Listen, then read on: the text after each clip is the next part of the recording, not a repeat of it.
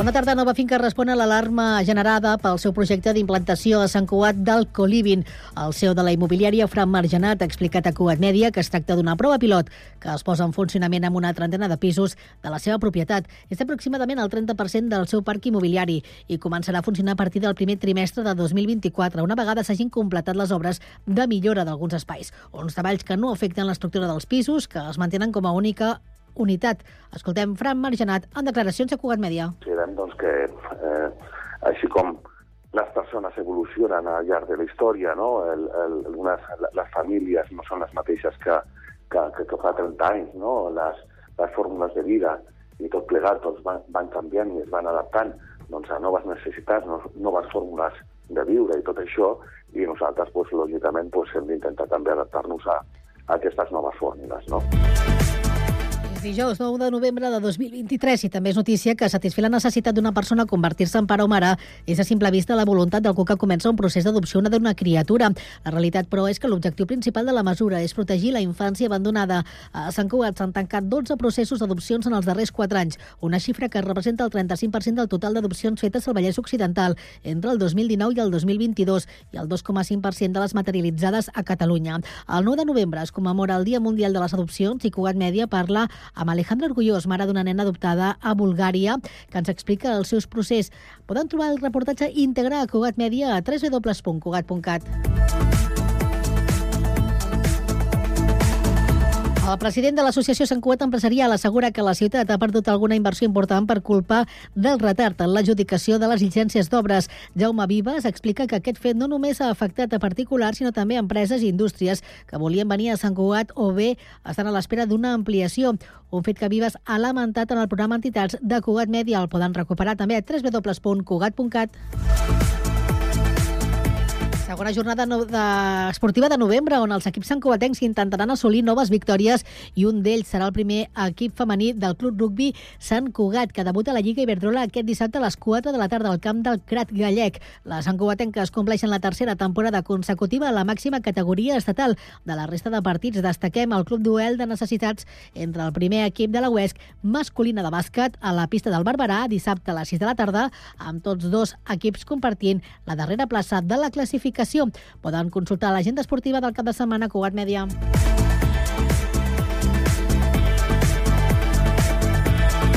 Cugat Mèdia, la informació de referència a Sant Cugat.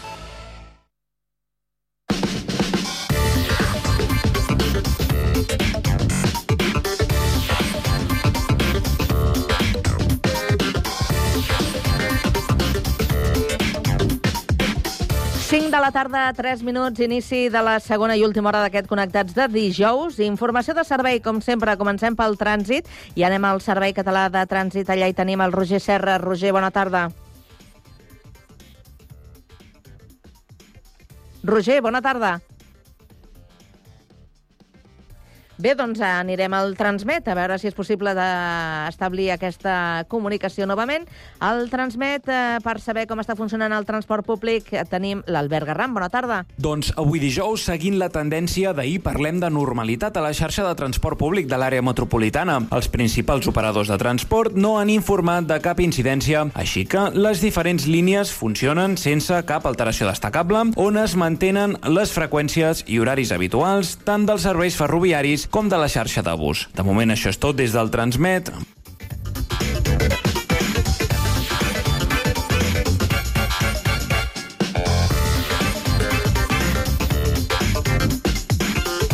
Ara sí, informació en directe per saber quina és la situació del trànsit a aquesta hora de la tarda. Roger Serra, què tal? Bona tarda. Hola, què tal? Bona tarda. Doncs repassem aquesta xarxa viària, algunes incidències, res de l'altre món, però sí que és cert que, per exemple, la C-17, al tram de Granollers, hi tenim unes obres que tallen un carril en sentit Barcelona. Aquí hi ha aturades de quilòmetre, quilòmetre i mig en aquesta zona de Lliçà de Vall Granollers, com et deia, la C-17, direcció Barcelona. Això afecta un pèl a l'autopista AP7, on també hi ha aturades això d'un parell de quilòmetres entre Granollers i Montornès del Vallès en direcció sud. A banda d'aquestes obres, ja per volum de trànsit, ara hi ha aturades a la C58, l'autopista del Vallès, són habituals d'aquesta hora d'uns 3-4 quilòmetres entre Montcada i Reixac i el Nus de la Trinitat d'entrada a Barcelona. També al Vallès, la B30, per exemple, presenta retencions entre Cerdanyola i Barberà en sentit nord, en sentit Girona. Per tant, algunes zones carregades, de moment sense grans incidències, sense grans eh, retencions. És tot des del Servei Català de Trànsit. Gràcies, Roger. Bona tarda. Bona tarda.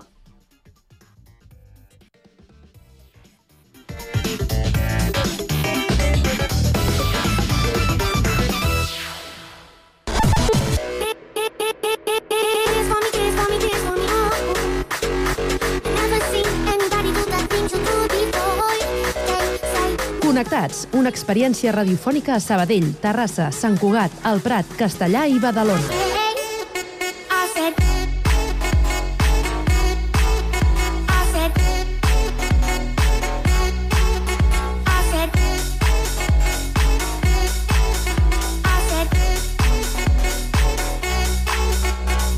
Connectats amb Carme Reverte.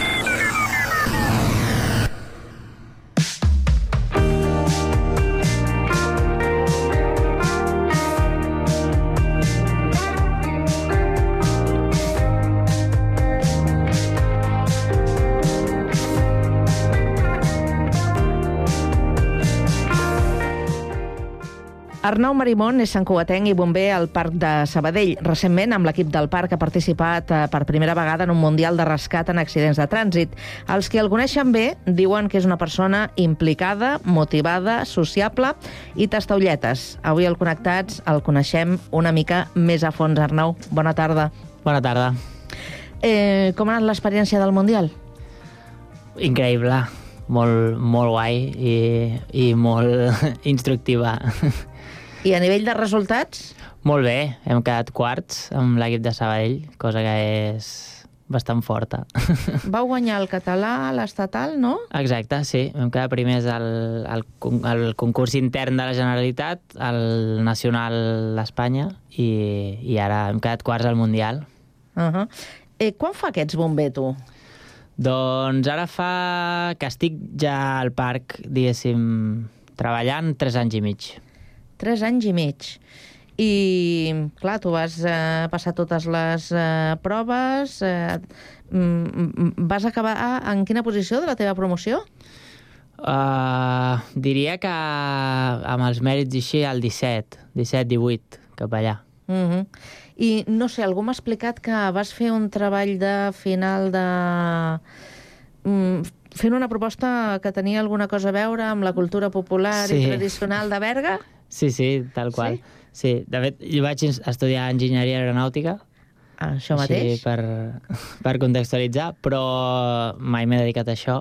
I quan ja estava acabant la carrera no tenia molt clar cap a on tiraria i llavors vaig buscar un treball de recerca, bueno, treball de final de carrera era, Sí.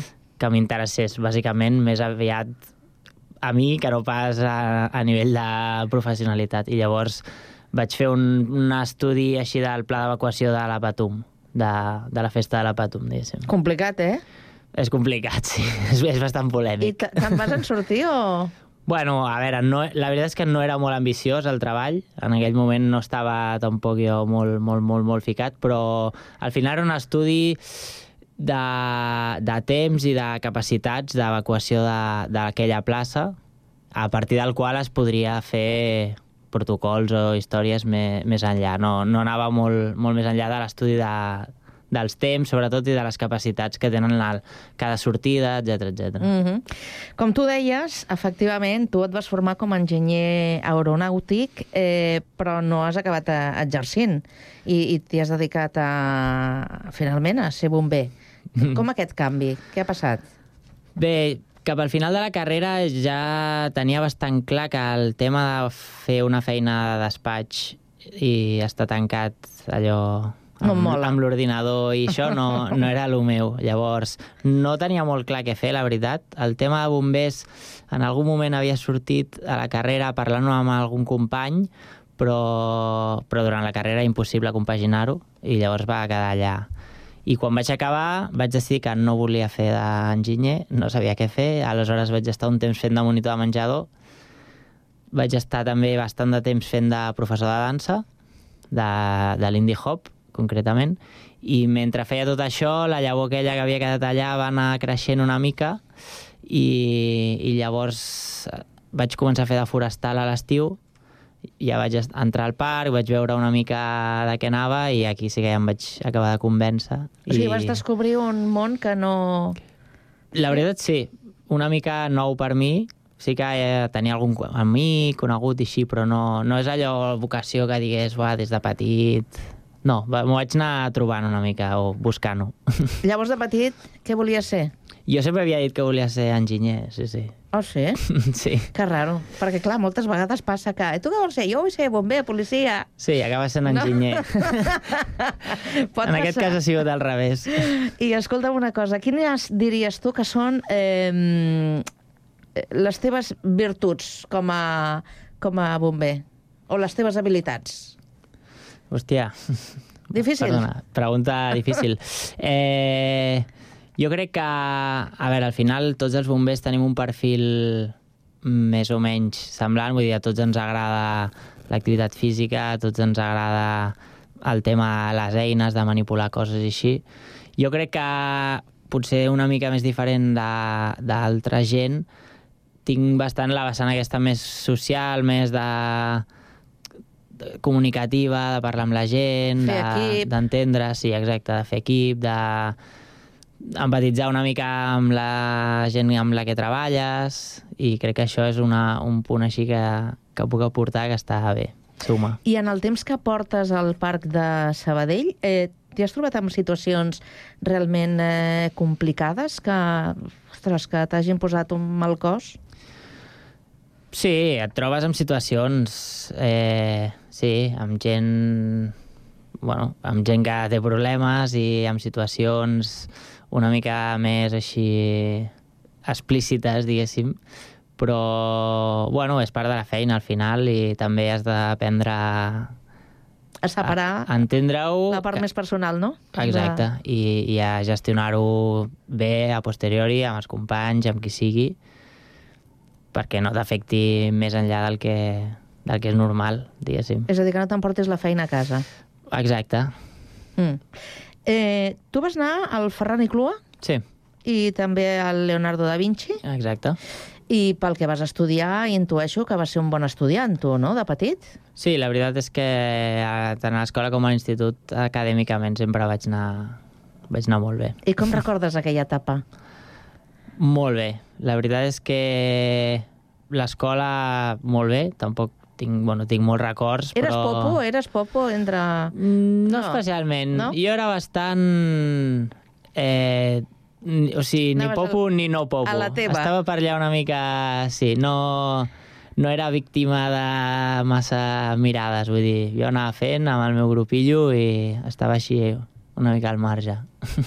I una mica ja més gran, ja d'adolescent, al, al Leonardo, què tal? I llavors a l'institut és de les èpoques més felices que recordo, la veritat. M'ho vaig passar superbé, menys al final. He de dir que cap a segon de batxillerat ja vaig començar a tenir una mica... Tenia moltes ganes d'anar a la universitat per autogestionar-me i no, o sigui, que les classes no fossin obligatòries, estudiar el que volia, el que no, i això sí que a segon de batxillerat em va costar una mica de bueno, d'haver de seguir la mateixa dinàmica que portava tots aquells anys, quan hi havia coses que jo pensava, bueno, això ja m'ho estudiaré jo a casa, o allò...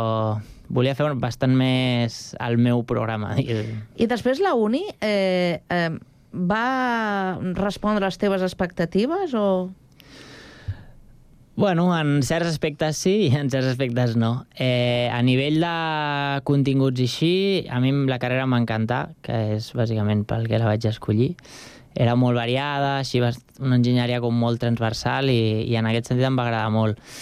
A nivell de professorat, n'hi havia de molt bo, però també em vaig asseure una mica amb certs professors investigadors que estan allà una mica perquè per poder fer la Clavats la investigació cadira. han de fer docència també i ells ho deien fins i tot, eh, directament. Jo el meu és la investigació, però he de donar classe i llavors, bueno, el bo és que aquestes classes podien anar-hi.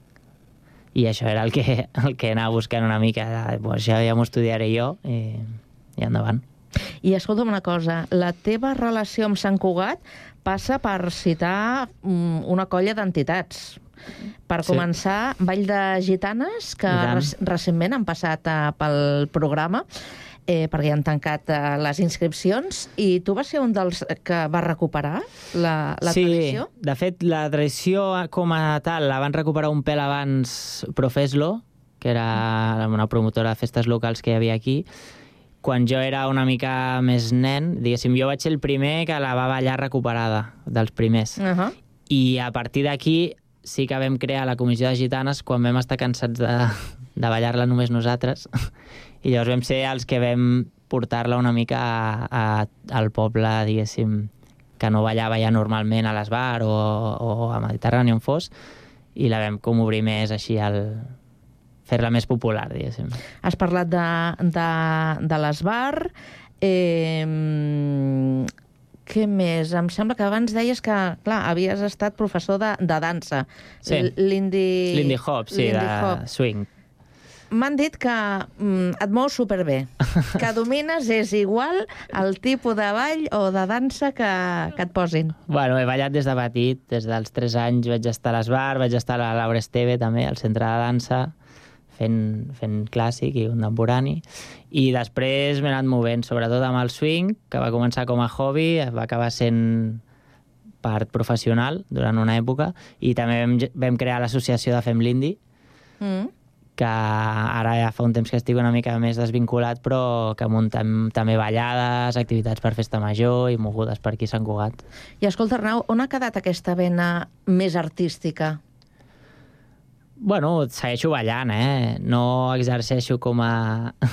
Com a Ballador com oficial? a professor, sobretot, però segueixo ballant. Ara estic fent salsa, provant altres històries i m'agrada molt anar a ballar. Bàsicament ara el- ho faig per oci i vaig a ballades, vaig a jams i de moment aquí la tinc.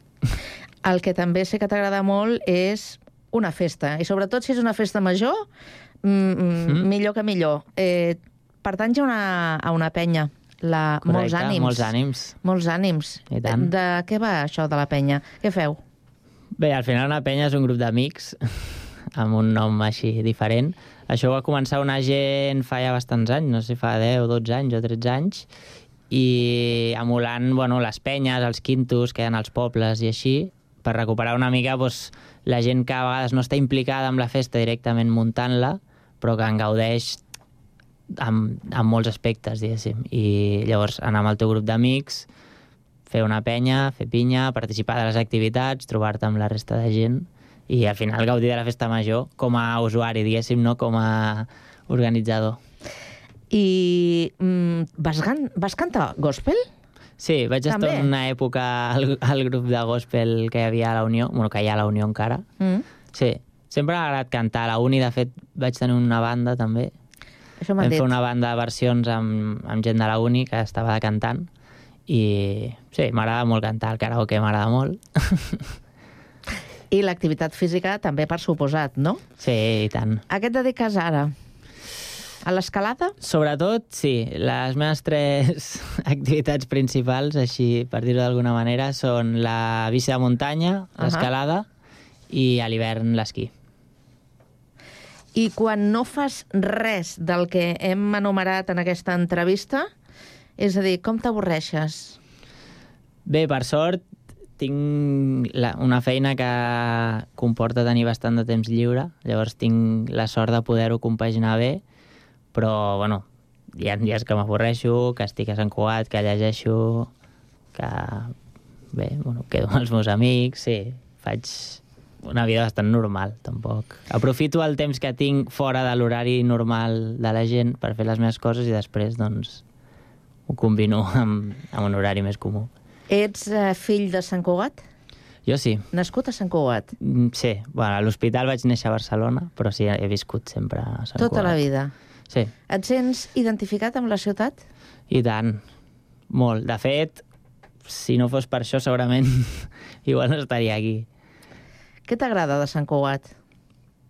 Mm, bueno, m'agrada molt el teixit associatiu perquè és on he viscut i on he crescut i perquè me'l sento meu. m'agrada, a veure, si viu superbé, hi ha molts parcs, tot això que suma, però bueno, no seria el primer de tot. Sobretot per mi és la gent i, i el, el vincle que tinc i el, la sensació de haver aportat una miqueta i que una part de tot això que passa en aquesta ciutat també és culpa o causa meva i això és el que, bueno, és el que m'arrela més al final. Ho hem notat, eh? hem notat que, clar, has tastat tantes coses eh, que al final has deixat la teva empremta, no? Una mica en tot el, tot el que has eh, fet. Eh, com t'imagines d'aquí uns anys? Doncs m'imagino vivint a Sant Cugat. Oh, això és una sort, eh? Si puc, perquè cada cop està més difícil, però s'intentarà. Eh, no sé on estaré treballant, perquè de fet a partir del gener moc, me'n vaig al parc de Sant Celoni de moment, per una qüestió de, de trasllats, però intentaré tornar, així que no sé, igual estaré al parc de Rubí o i, i seguiré, espero tenir una vida com la d'ara, que em fa molt feliç, que és fent les meves coses, tinc una feina que m'encanta i acompanyat de la gent que tinc al voltant, que, que és increïble. Mm. I en algun projecte nou, segurament. Segurament, segurament. Arnau, eh, estem acabant aquesta conversa i sempre l'acabem amb un tema musical que, que tria el convidat o la convidada. Mhm. Tu què, què, què has triat? Doncs he triat una banda que es diu Panellet, que són de Terrassa, Mm. que fan un rock així com noventero, una mica, i, i que m'encanta i que m'agrada molt, amb lletres molt divertides. I res, de fet, sóc bastant fan i podem posar qualsevol cançó. Hi ha una cançó que es diu Escape Room, si vols, que, Ahà. que és una bona opció, però bueno, qualsevol, qualsevol em va. Doncs els descobrirem aquí en aquest eh, Connectats, que de fet ets com un ambaixador, de, podríem dir, perquè clar, un santcugatenc que treballa a Sabadell i que tria un grup musical de Terrassa és una combinació pràcticament perfecta pel programa. Escolta, Arnau, Genial. gràcies per Moltes haver gràcies. acceptat la nostra invitació i res, eh, esperem notícies teves, perquè segur que engegaràs alguna cosa Alguna eh, cosa en un moment o altre. passarà, sí. Que vagi molt bé. Igualment, merci.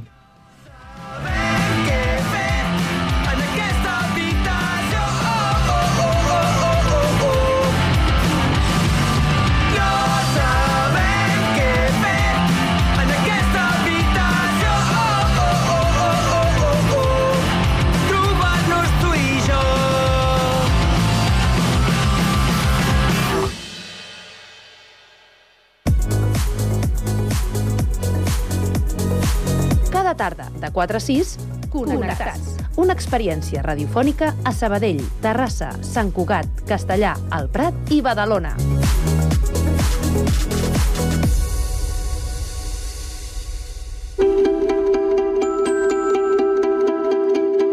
Connecta't al patrimoni.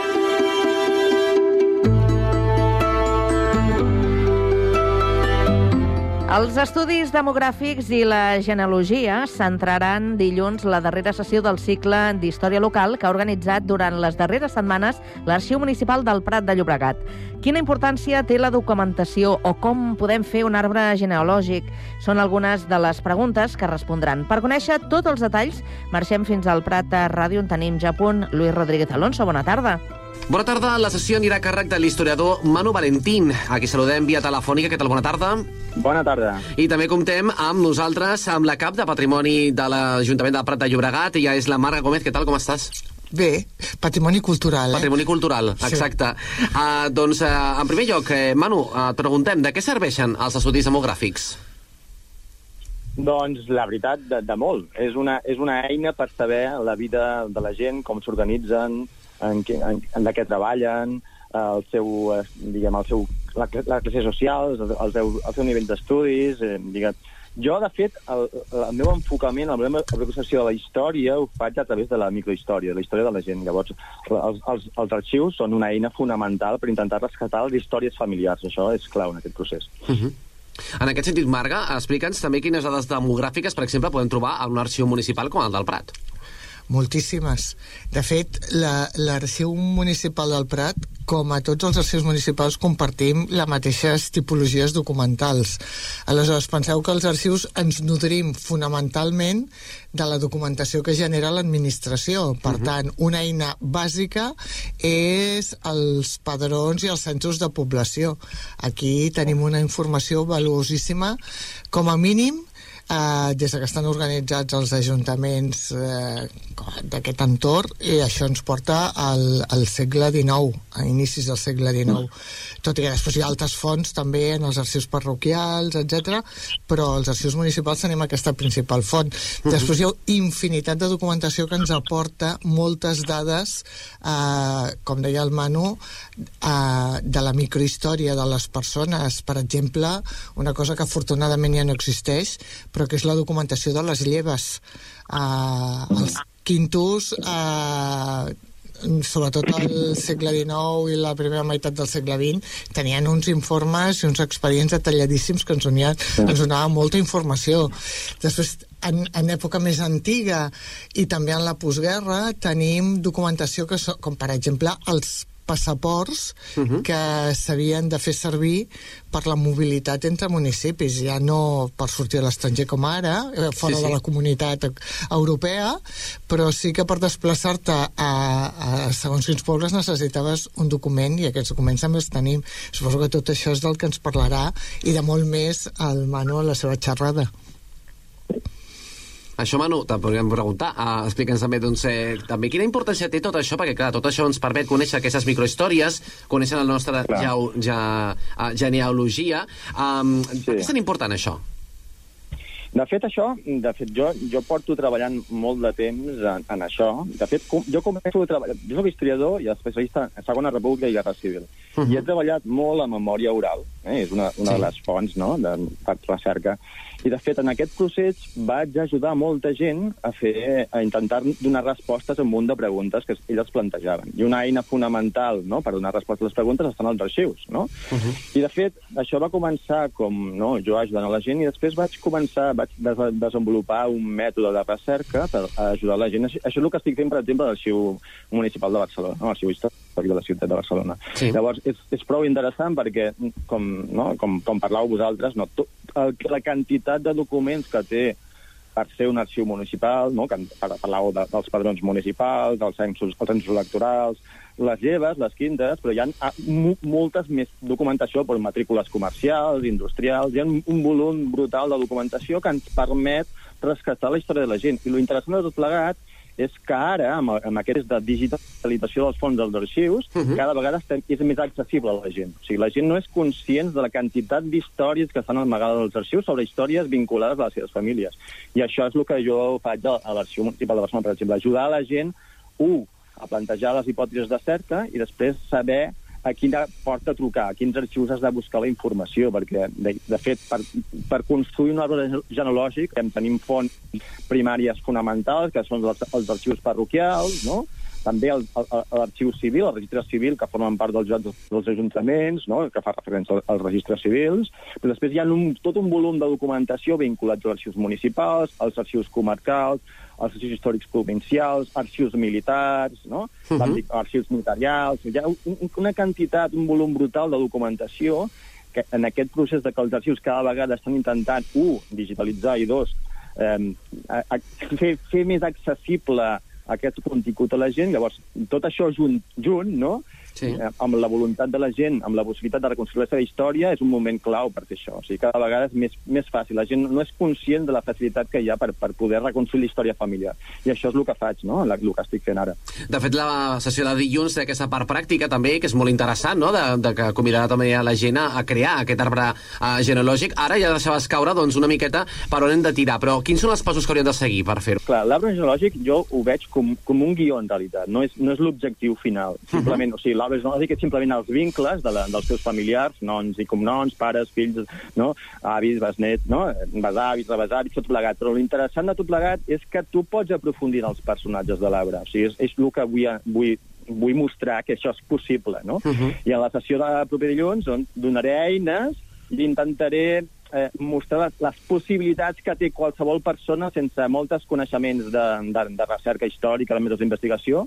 Tothom pot intentar començar, és un procés llarg perquè això, diguem, la recerca històrica exigeix molt de temps, però amb una, amb, un, amb, un, amb una empenta que jo vull donar, que podria donar dilluns, això és, és viable, no? I després has d'aprendre a analitzar els documents i tot Mhm. plegat, i fer el context històric, però és un viatge apassionant, o sigui que jo vull convidar la gent a, a fer aquest pas, no? I de, de fer recerca d'història familiar, perquè en realitat això és una història que, que ens vincula, no? que és una, en realitat és un, una, un redescobriment de la, de la identitat pròpia, no? de, de, la, de la nostra identitat, que són els nostres familiars. O sigui que dilluns parlaré de totes les eines que tenim al nostre abast, des de, diguem, a distància i també, clar, perquè al final eh, el, els catàlegs digitals que tenim a a disposició des de casa és un, un 10% de, del volum, diguem, documental que hi ha als arxius. No? O sigui, hem d'anar als arxius, hem de visitar els arxius i, i els arxivers estan allà per ajudar-nos, no? per orientar-nos en aquest procés. Llavors, és, és una mica convidar la gent en aquest context no? de, de revolució tecnològica doncs, a apropar la, a la a la gent a la seva pròpia història, que això és lo interessant. No, no, no una història aliena i allunyada de nosaltres, no? De, que la gent sigui capaç d'intentar ells mateixos relatar la seva pròpia història, a, través dels documents, òbviament, a través de fonts primàries i, i buscant la, la, la veritat, no? allò que ha de passar. De fet, una mica aquesta xerrada la vam plantejar egoistament des de l'arxiu perquè ja hem detectat des de fa molts anys que hi ha molta gent que s'acosta als arxius amb el, amb, primer amb aquest punt de partida, com -huh. m'explicava el Manu, eh, de fer un arbre genealògic. El primer que et demanen és com puc trobar els meus avantpassats i fer un arbre. Eh, el que no saben, i els has d'acompanyar en aquesta feina, Sí. és que a més a més de construir aquest arbre pots tenir més informació de la teva família i hi ha gent que ens ha vingut a l'arxiu doncs, perquè per casualitat han vist una fotografia en una exposició del seu carrer o fins i tot alguna referència a algun nom que els hi resulta familiar. Doncs una mica hem intentat agafar aquest públic potencial que ja tenim, acompanyar-lo una mica i en aquest cas acompanyar-lo d'algú que en sap com, com el Manu que també eh, de retruc ens acabarà provocant que tinguem més feina perquè estic segura que vindrà molta més gent a l'arxiu a buscar documentació sobre la seva família. Clar, suposo que tampoc no deu ser gaire fàcil eh, quan, per exemple, parlem eh, doncs, de com ha afectat, per exemple, doncs, la Guerra Civil, no? Parlo de- d'esdeveniments eh, també més recents i que doncs, han provocat un moviments i que potser trobar la família... Parlo en el cas concret, per exemple, la meva família. El meu pare no coneix el seu pare. Clar, en en casos com Clar. aquests, eh, què és el que pots fer en aquest sentit? I suposo que serà més complicat i és el que deia el Manu, no? que en aquest cas sí que digitalitzat és probablement que no trobis informació, però sí que hauries d'anar a l'arxiu, no?, en concret, en físicament.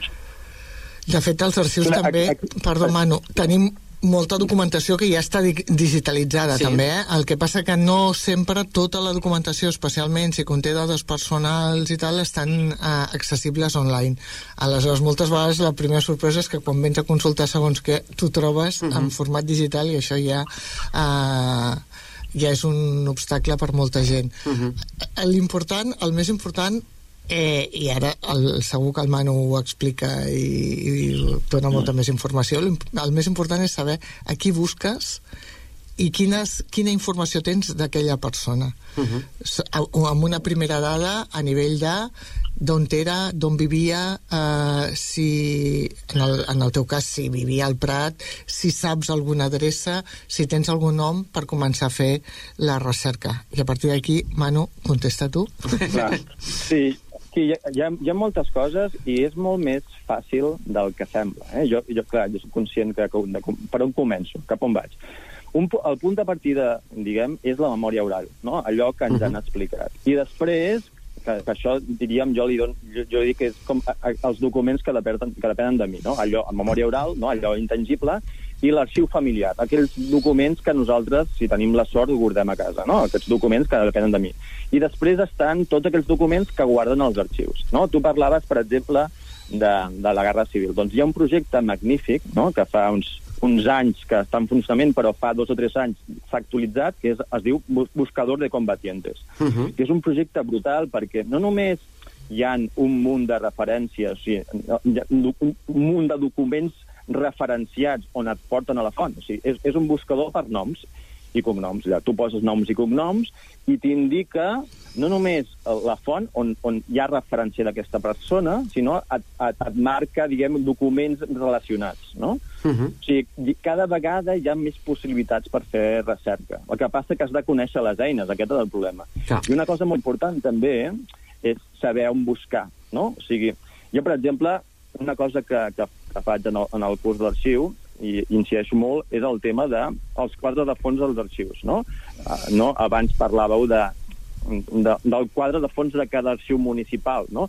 Uh, aquells, aquells documents que ens poden ajudar a nosaltres en reconstruir la història familiar. No? Doncs tenim des dels padrons municipals, on hi apareix una, una documentació, una informació fonamental, que és noms i cognoms residents de la vivenda, si saben llegir o escriure, la seva edat, la seva professió, per exemple, si, si dins de la convivència hi ha, hi ha servei, hi ha, hi ha diguem, persones que, que treballen a la casa, que això és un reflex del context social, de l'època, no? que això també fa una part de l'anàlisi, diguem, eh, crític del document. No? Després tenim els censos electorals, i cada vegada, que això és un procés molt lent, però cada vegada hi ha, hi ha més documents digitalitzats. Hi ha aquí, hi ha dues fases, diguem.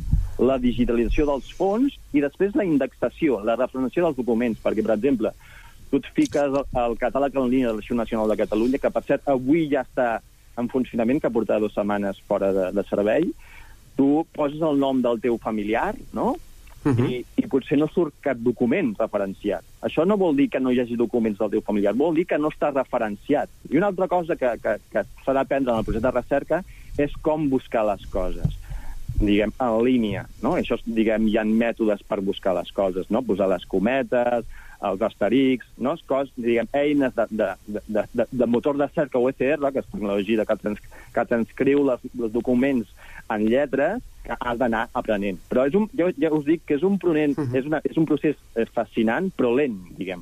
Els resultats també depenen de l'arxiu, no? De, tu demanes un document, per exemple, en el cas de l'arxiu de Salamanca de memòria no?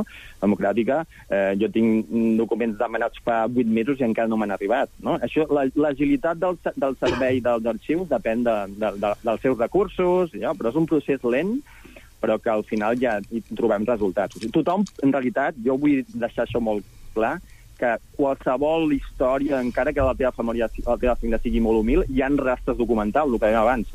Cada persona ha deixat un rastre documental pel seu pas a la història. Eh? Manu Valentín, que serà, com dèiem, dilluns a partir de les 7 al Centre Espai Cultural i també a Marga Gómez, eh, cap de Patrimoni Cultural de l'Ajuntament de Prat. Gràcies a tots dos.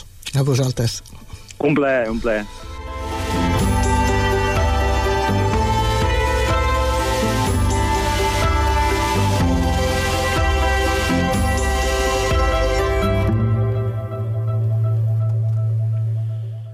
Hola, connectats. Soc la Clara Gispert i la meva recomanació musical és Com un grito hacia adentro, que és el primer avançament del meu nou disc. Com un grito hacia adentro parla dels pocs espais que com a societat ens, ens deixem per escoltar-nos. Parla també de tot el que no hem pogut cridar, parla de tot el que no hem pogut entendre i sobretot parla del que, del que sempre hem callat. Així que us convido a que escolteu com un grito hacia adentro perquè, doncs perquè aquest crit el puguem compartir i el puguem fer nostre. Us envio una abraçada molt forta. Adeu.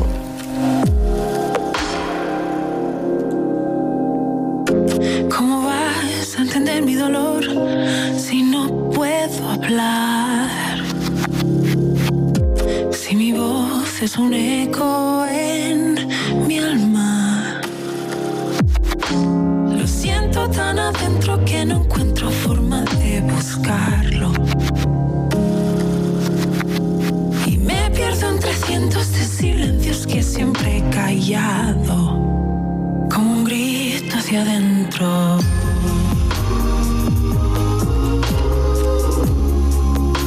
Como un grito hacia adentro.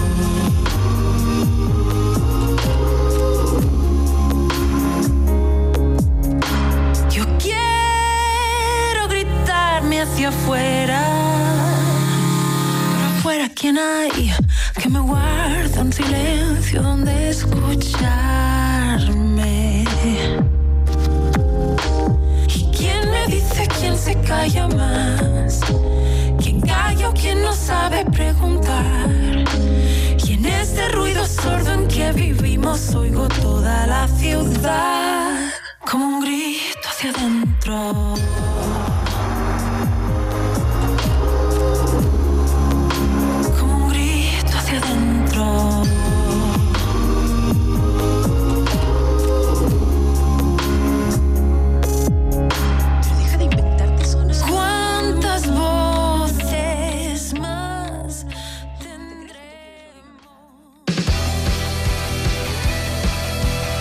A la tarda, no et desconnectis. Connectats.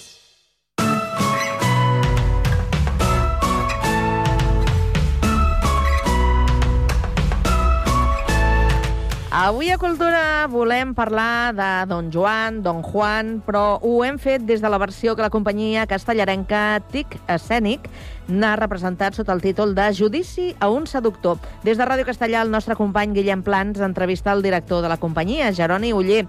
Guille, bona tarda. Bona tarda, Carme. Avui revisitem el mite de Don Juan i ho fem de la mà de Jeroni Uller, que és el director de Tic Escènic, que acaba d'estrenar un nou muntatge a la sala de petit format de l'Ateneu. Jeroni, molt bona tarda. Bona tarda, bona tarda, sí, sí. Judici a un seductor. L'estrena ha estat perfecta, no?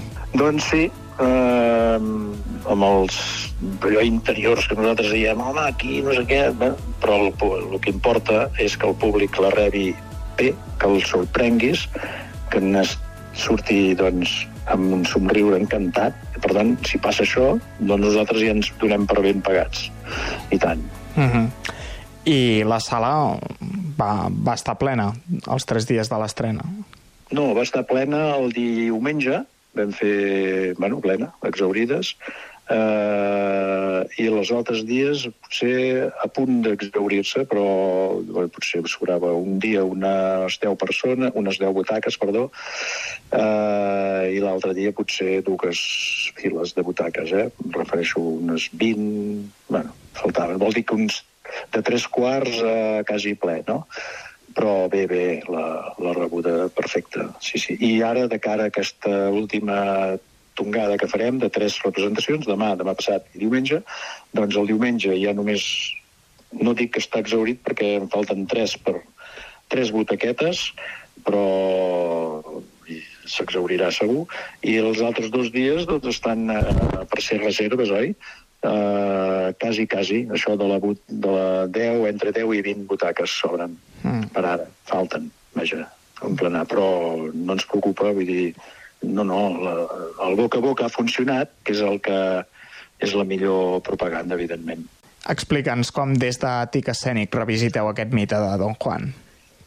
Mira, eh, buscant una obra jo per, per, per fer, oi? I allò que remenes així cap aquí, cap allà, diverses opcions, tal, tal, però ves per on, eh, torno a topar amb un text del meu, ara, eh, últimament, autor preferit, no? eh, predilecte, que n'estic absolutament enamorat, el vaig arribar a conèixer en persona i encara ho dic amb tot el sentit, i vaig topar amb aquest text, que es veu que, a més, és la primera obra que va, que va escriure ell, de teatre, es va representant arreu, ja, bueno, com tot el que fa, el que fa aquest senyor, i em va enganxar, em va enganxar, jo funciono així, o m'enganxo o no m'enganxo, i si m'enganxes, tiro fins on puc, no?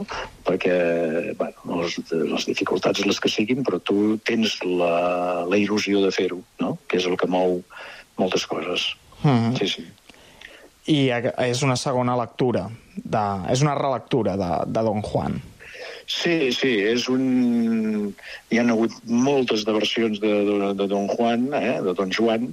Uh, per cert, Don Joan, Don Joan, sí. amb U, Mm. mm, ho reivindico perquè perquè és així, és una manera de respectar l'original del Tirso de Molina i que per molt que diguem Joan en bo, doncs si poses Don Joan en bus tothom sap i sabrà de qui parles, tant aquí com a França com a Anglaterra. Com a la Xina popular, que deia aquell. Exactament, exactament. És el nom del mite. Uh, llavors, uh, doncs això, uh, l'autor, l'Eric Emanuel Schmidt, va agafar, es veu, es va nodrir de les diferents, lògicament hi ha versions anteriors amb ell, especialment, sembla ser, doncs, de... Bueno, sembla ser, no, ho és, jo he llegit també el Don Joan de Molière, i sí, té, agafa els aspectes, determinats aspectes, i els transforma, els adapta, i se'ls se cou eh, com un bon xef a la seva manera per donar-li aquell gustet, no? I el cas, el gustet millor és que al final sorprèn de mala manera tant eh, inicialment els personatges en si com el públic, perquè no aquest malvat, aquest vil seductor que és eh, el Don Joan, doncs eh, bé, agafa un, un, nou, un nou alè i li dona un nou, un nou caire al final, no? I, i això, eh, tan sorprenent que, que, que fins i tot acaba sent diguem-ne, jo he llegit en algun lloc que parla d'una li, li crea com una mena, l'obra pretén arribar a una mena d'espiritualitat moderna. Això sona bé, uh, però acaba sent molt actual veient el que està passant avui. Aquesta obra, a més a més, això, acaba sent superactual el tema perquè del bueno, seductor depravat, eh, per desgràcia, eh, encara n'hi ha molts. Mm. Eh, llavors, eh, aquí, com a mínim, li dona una volta i acabes amb certa esperançat que potser hi ha una manera de, de canviar-ho, això, mm. no? Aquesta volta que, que tu comentes, aquesta actualització, té a veure amb la perspectiva de gènere? Té a veure, però ja està. No, hasta aquí puedo leer. Tu a la... Però molt ben, molt ben vist, molt ben vist, Guillem. Sí, sí. Tu a l'hora de, de dirigir aquesta obra i de portar-la doncs, amb tic escènic, sí. veus Don Joan com un seductor depravat, eh? Ho comentaves ara fa oh, una estona. Totalment, totalment, sí, sí, clar, sense escrúpols, sense... viu pel sexe, no entén, no, ni, es, ni es planteja què és l'amor, val? Amor com a amor, veritable, ell no, no s'ho planteja, però ell va de cara, eh? no enganya ningú en aquest sentit. No va de... de, de, de no ven motos. No ven motos, sinó que vine aquí i, i ja veuràs i t'ho faré passar més bé que ningú i punto. Però sembla ser que ho feia així, que era veritat, no? Segons la llegenda i el mite. Llavors, eh, per això d'aquí el seu èxit, suposo també, evidentment. Mm. Però tot mancat només pel... Vivia pel sexe, no? Dic vivia, fixa't, i estic dins l'obra, eh? Vivia. Mm. Ah, mira, Perquè una altra canvia. pista. Una altra pista, Mm. sí, sí, sí, sí. És molt, és molt... Bueno, és- l'autor és un filòsof, per damunt de tot és un filòsof. I dona a l'amor una importància majúscula.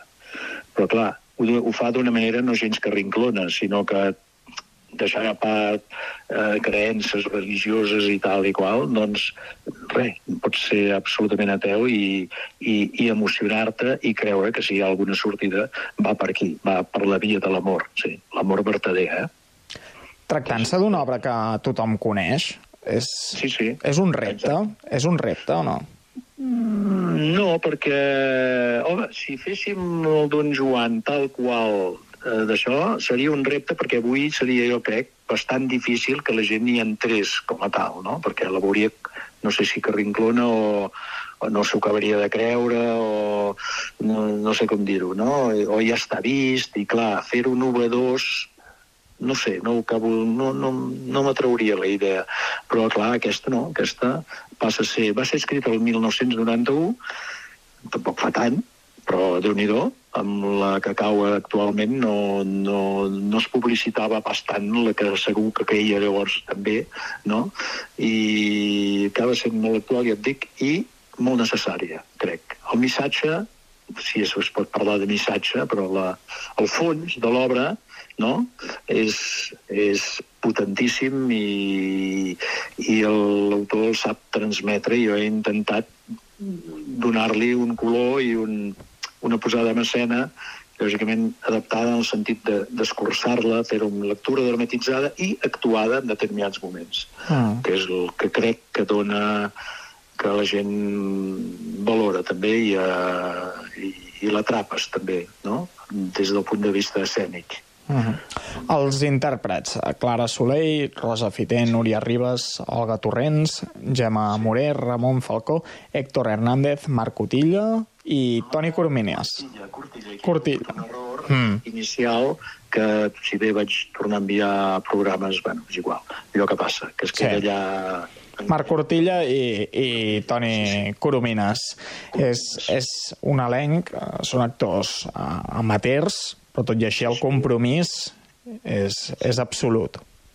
Mm, bueno, avui dia compromís absolut, aquí posaria un pro com una casa de pagès, perquè no hi, no hi és, la gent, eh, no aquests, eh, eh, tothom, cada cop sembla ser que anem més a cadascú a el que més interessa a cada moment, i com que interessen moltes coses, doncs fa de mal complir amb, la, amb una d'elles, no? Ah. I això m'hi trobo, eh? és així de clar. Uh, S'acosta una estrena i dius, bueno, ara posarem el, el coll, no? Uh, doncs no, prevalen els compromisos personals, eh? en general, eh? Ah. I ara un, ara l'altre, ara tal, ara qual, és molt difícil de conjugar, eh? Hmm. Molt. Sí, però tot i així hi ha, hi ha molt esforç darrere, Jo no? també em faig gran i potser també ho aguanto menys, no ho sé. Mm. De, de, també pot ser que influeixi això. Perquè és bastant normal, però aquesta vegada m'ho he trobat molt, molt acusat, això.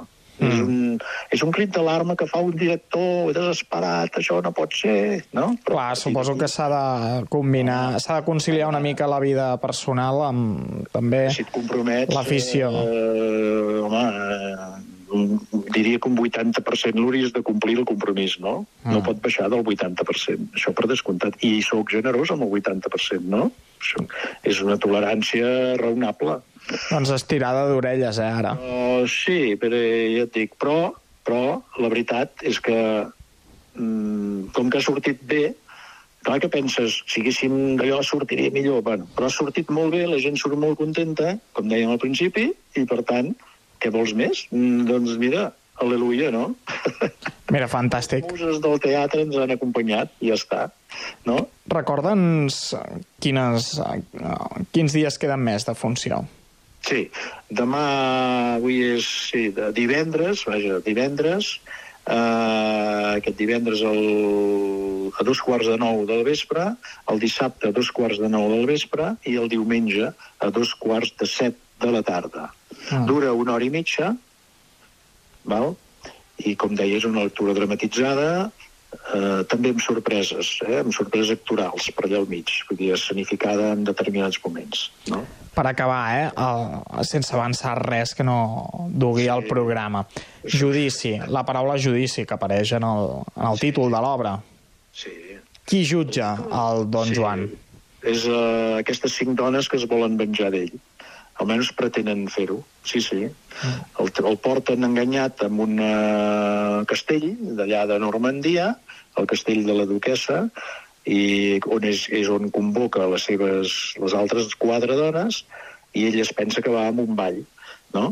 i aquí l'esperen i aquí l'atrapen o pretenen atrapar-lo per obligar-lo a casar-se, com dèiem abans, no?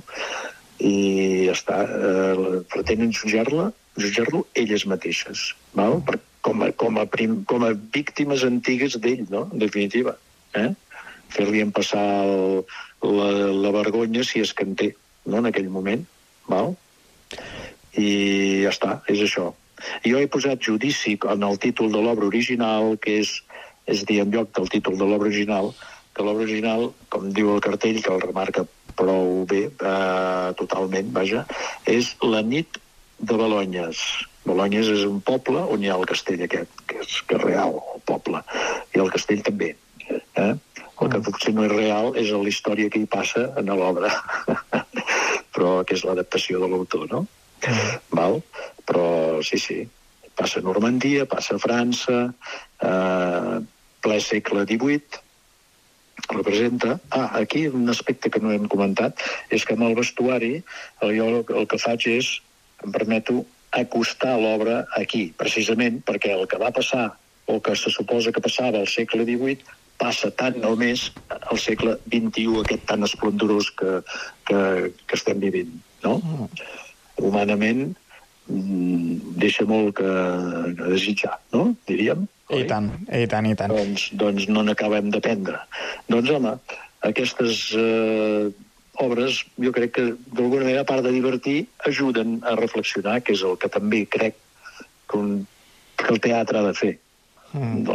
Però no d'una manera avorrida, i jo ara vaig a lliçonar i feu això, sigueu bons, eh, bons nens, bones nenes, no sé què. No, no, això és d'un avorrit sublim, per això agafa el llibre i llegeix, però es tracta d'això, de trobar obres que tinguin, siguin genials en aquest sentit, no? que et portin a riure i emocionar-te a la vegada.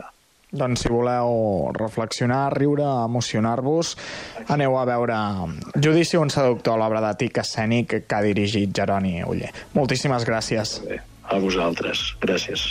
Molt bona tarda i molt bona tarda a tu també, Carme. Gràcies, Guillem. Punt final aquest eh, Connectats de dijous, amb aquest apunt, amb aquesta proposta cultural que ens arribava des de Castellà.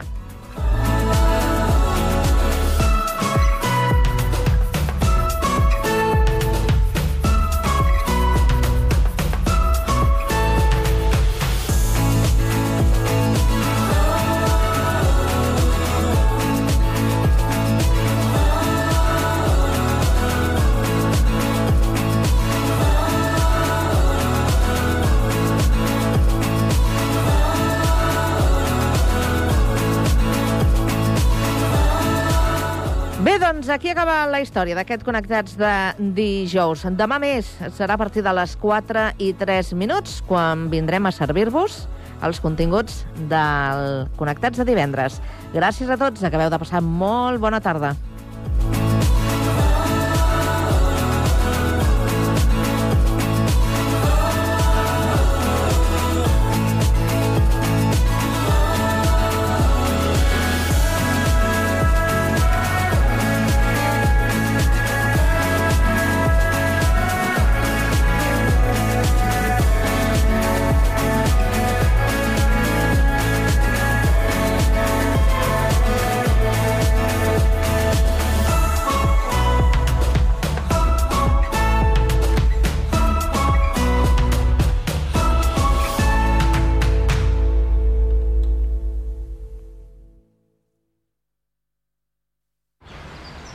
Pensant en posar plaques solars a casa teva?